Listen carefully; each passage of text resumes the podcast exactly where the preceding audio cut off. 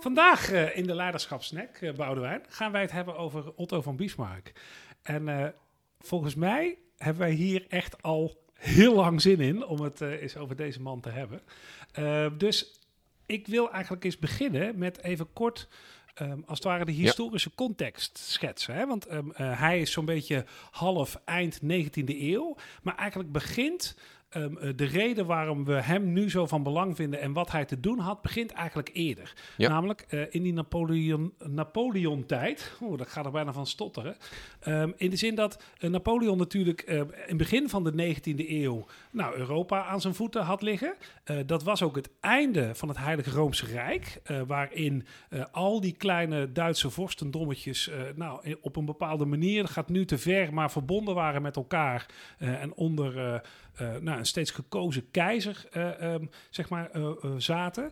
En in, dat eindigt in die Napoleonistische tijd.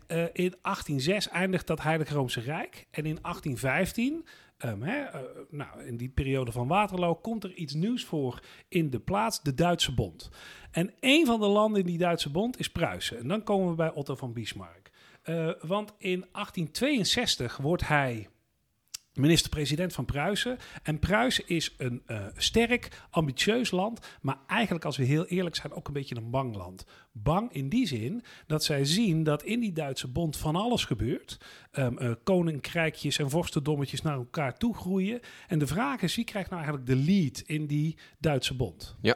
En, en daar gaat um, um, ja, uh, Bismarck een rol in spelen. Ja, want hij komt meteen voor, voor een aantal uitdagingen komt ja, te staan. En überhaupt precies. hoe die binnenkomt gewoon uh, in, in een regeringsfunctie... is omdat er een conflict is tussen het leger en uh, de Kamer over mogelijke hervormingen. En hij is een macher, hij wordt erbij gehaald, hij lost het op... en hij wordt vervolgens, krijgt hij dus de positie om ook andere problemen op te lossen. En een van die problemen uh, is, of een van de uitdagingen... is dat, um, dat die Duitse bond steeds meer een eenheid begint te vormen. En uh, in die ambitie van uh, Pruisen constateert hij dat, uh, het niet dat het niet voor de hand is, ligt dat dat ook Pruisen gaat worden om daar een leading rol in die Duitse bond te gaan spelen. Maar dat wil hij wel, want op de achtergrond speelt natuurlijk ook dat Oostenrijk die rol weer ga, kan gaan, gaan pakken. Ja. Ehm, dus zijn eerste uitdaging ligt hem er echt in om, um, uh, om, dat, om, om die leading rol te pakken binnen die Duitse bond. De tweede uitdaging, want gelijktijdig leven we in de tijd van de socialisten en, en heel veel interne onrust. Dus hij moet zorgen dat hij en aan die buitenkant bezig is, maar ook intern echt gewoon uh, bezig is om, om gewoon de gemoederen kalm uh, te houden. Zodat hij niet een twee-frontenoorlog eigenlijk op uh, mogelijke wijze kan, kan krijgen. Ja, dat, en die twee uitdagingen, ja, daar gaan we het over hebben. Ja, ja, want juist intern, dat is ook wel leuk hè, om, om denk ik te zeggen. Uh, Bismarck was een aardsconservatieve man eigenlijk. Terwijl hij natuurlijk in zijn buitenlandse politiek echt wel veel probeerde uh, neer te zetten. Maar, maar, maar die toch eens even pakkend. Want hij had een strategie. Hij gebruikte een paar dingen die hij zowel in zijn interne conflicten als in zijn externe conflicten eigenlijk consequent toe, toepaste. En het zijn niet altijd de meest chique, zal ik maar zeggen. Het zijn niet de dingen die altijd de schoonheidsprijs verdienen. In die zin dat hij, hij was echt van gelegenheidsbondgenoten en vond dat zelf totaal geen uh, disqualificatie. Hij zei ook van nou, daar waar je elkaar vinden kunt, moet je dat doen. En als het dan klaar is, is het ook klaar. Um, Um, was daar eigenlijk redelijk opportunistisch en heel openlijk opportunistisch in.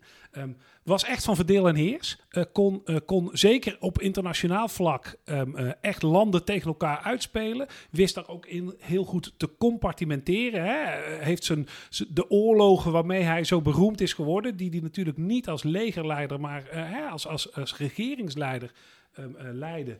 Um, uh, uh, eerst die Denen in 1864, uh, toen hij Sleeswijk-Holstein van ze had afgepakt. Daarna met de Oostenrijkers. En drie jaar later, vier jaar later met de Fransen. Hij wist dat heel goed te compartimenteren, wist daar heel goed in te verdelen.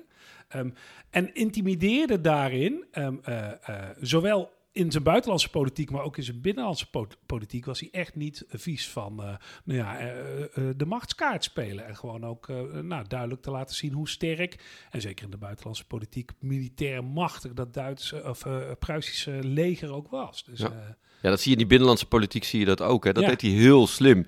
Hij wist pragmatisch om te gaan met, met die weerstand ook vanuit socialistische hoek. Die wilde dat die arbeidersklasse natuurlijk het beter zouden krijgen. Krijgen. En in plaats van dat uh, Bismarck zich daartegen verzette, was hij zo pragmatisch om gewoon um, uh, daarin toe te geven. En eigenlijk al het begin te maken van die verzorgingsstaat. Waardoor de, de hele bodem voor uh, mogelijke socialistische revoluties weggeslagen werd. Ja, dat is natuurlijk fascinerend. Ja. De lessen die we hieruit kunnen trekken, die zijn, nou ja, legio. Ja, kom eens door. Uh, ja, juist. Ja. Ja, ja, ja. ik denk dat we, laten we het dus gewoon beperken tot, tot, tot, tot de drie belangrijkste. Of in ieder geval in mijn ja, um, ogen. Doen we. En ik denk dat uh, als eerste is het toch echt wel, hij had een visie, een stip aan de horizon. En daar bleef hij gewoon op inzetten. Dus hij was iemand van een lange adem. En dat, dat, dat, dat, dat, zei hij ook. Hè. In een van zijn toespraken zei hij ook... Ja, een regering mag niet afzien als ze eenmaal haar koers heeft gekozen. Nou, dat is toch prachtig? Ik bedoel, als je ziet af en toe gewoon ook in onze huidige politiek... dat, we, dat we wat schommelen misschien met ons uh, beleid... dat zou niet des Bismarcks zijn. Hij had gewoon voor ogen, daar gaan we heen.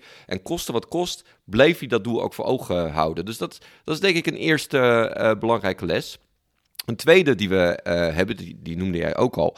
Uh, hij was niet bang om um, alle beschikbare middelen in te zetten om dat doel uh, te behalen. Nee. Um, en um, dat, dat, hij, hij zei ook op een gegeven moment van ja, de, dat de grote vraagstukken van deze tijd, die worden niet opgelost door middel van toespraak of meerderheidsbesluiten, maar door ijzer en bloed. Ja. ja. dat geeft natuurlijk al een klein beetje aan hoe die, daar, uh, hoe die daarin uh, zat. En dat Zeker. is natuurlijk ook dat, dat punt van die realpolitiek, hè, wat we van hem uh, ja. kunnen leren. Ja. Dat, um, dat hij um, nou, misschien wel immoreel was met het inzetten van bepaalde instrumenten. Ik denk dat een positieve blik zou eerder amoreel zijn. Een beetje wat Machiavelli natuurlijk ook was. Hij was gewoon heel reëel in, in ja. van ja, waarmee behoud ik macht en kan ik mijn macht uh, uitbreiden. Uh, nou, voor zijn, e-, even toch ter ja. onderbreking, hè, voor, in, vanuit zijn optiek was het natuurlijk gewoon een logisch en te verdedigen doel. Hè? Ik bedoel, um, uh, Machiavelli komt echt nog een keer langs in deze, in deze snacks. Um, maar het doel heiligt de middelen, mits het een goed doel is. Dat is natuurlijk wat Machiavelli zegt. Dat is ook wat, wat Bismarck in alles uitademde. Hij was er voor Pruisen, later het Duitse keizerrijk. Ja. En om die groot te maken, ja, deed hij wat moest gebeuren. Ja, ja. En met succes, hè? Ook Ik bedoel, hij wist natuurlijk gewoon in 1870 uh, wist hij ervoor te zorgen dat we dat, het, Duitse keizerrijk uh, uh, tot stand wisten te brengen. Maar je had er nog één. Ja, ik had er nog eentje. Die vind ik toch ook wel mooi. En dat zou toch wel de les zijn van, ja, maai nou het gras voor de voeten van je tegenstanders weg. Ja.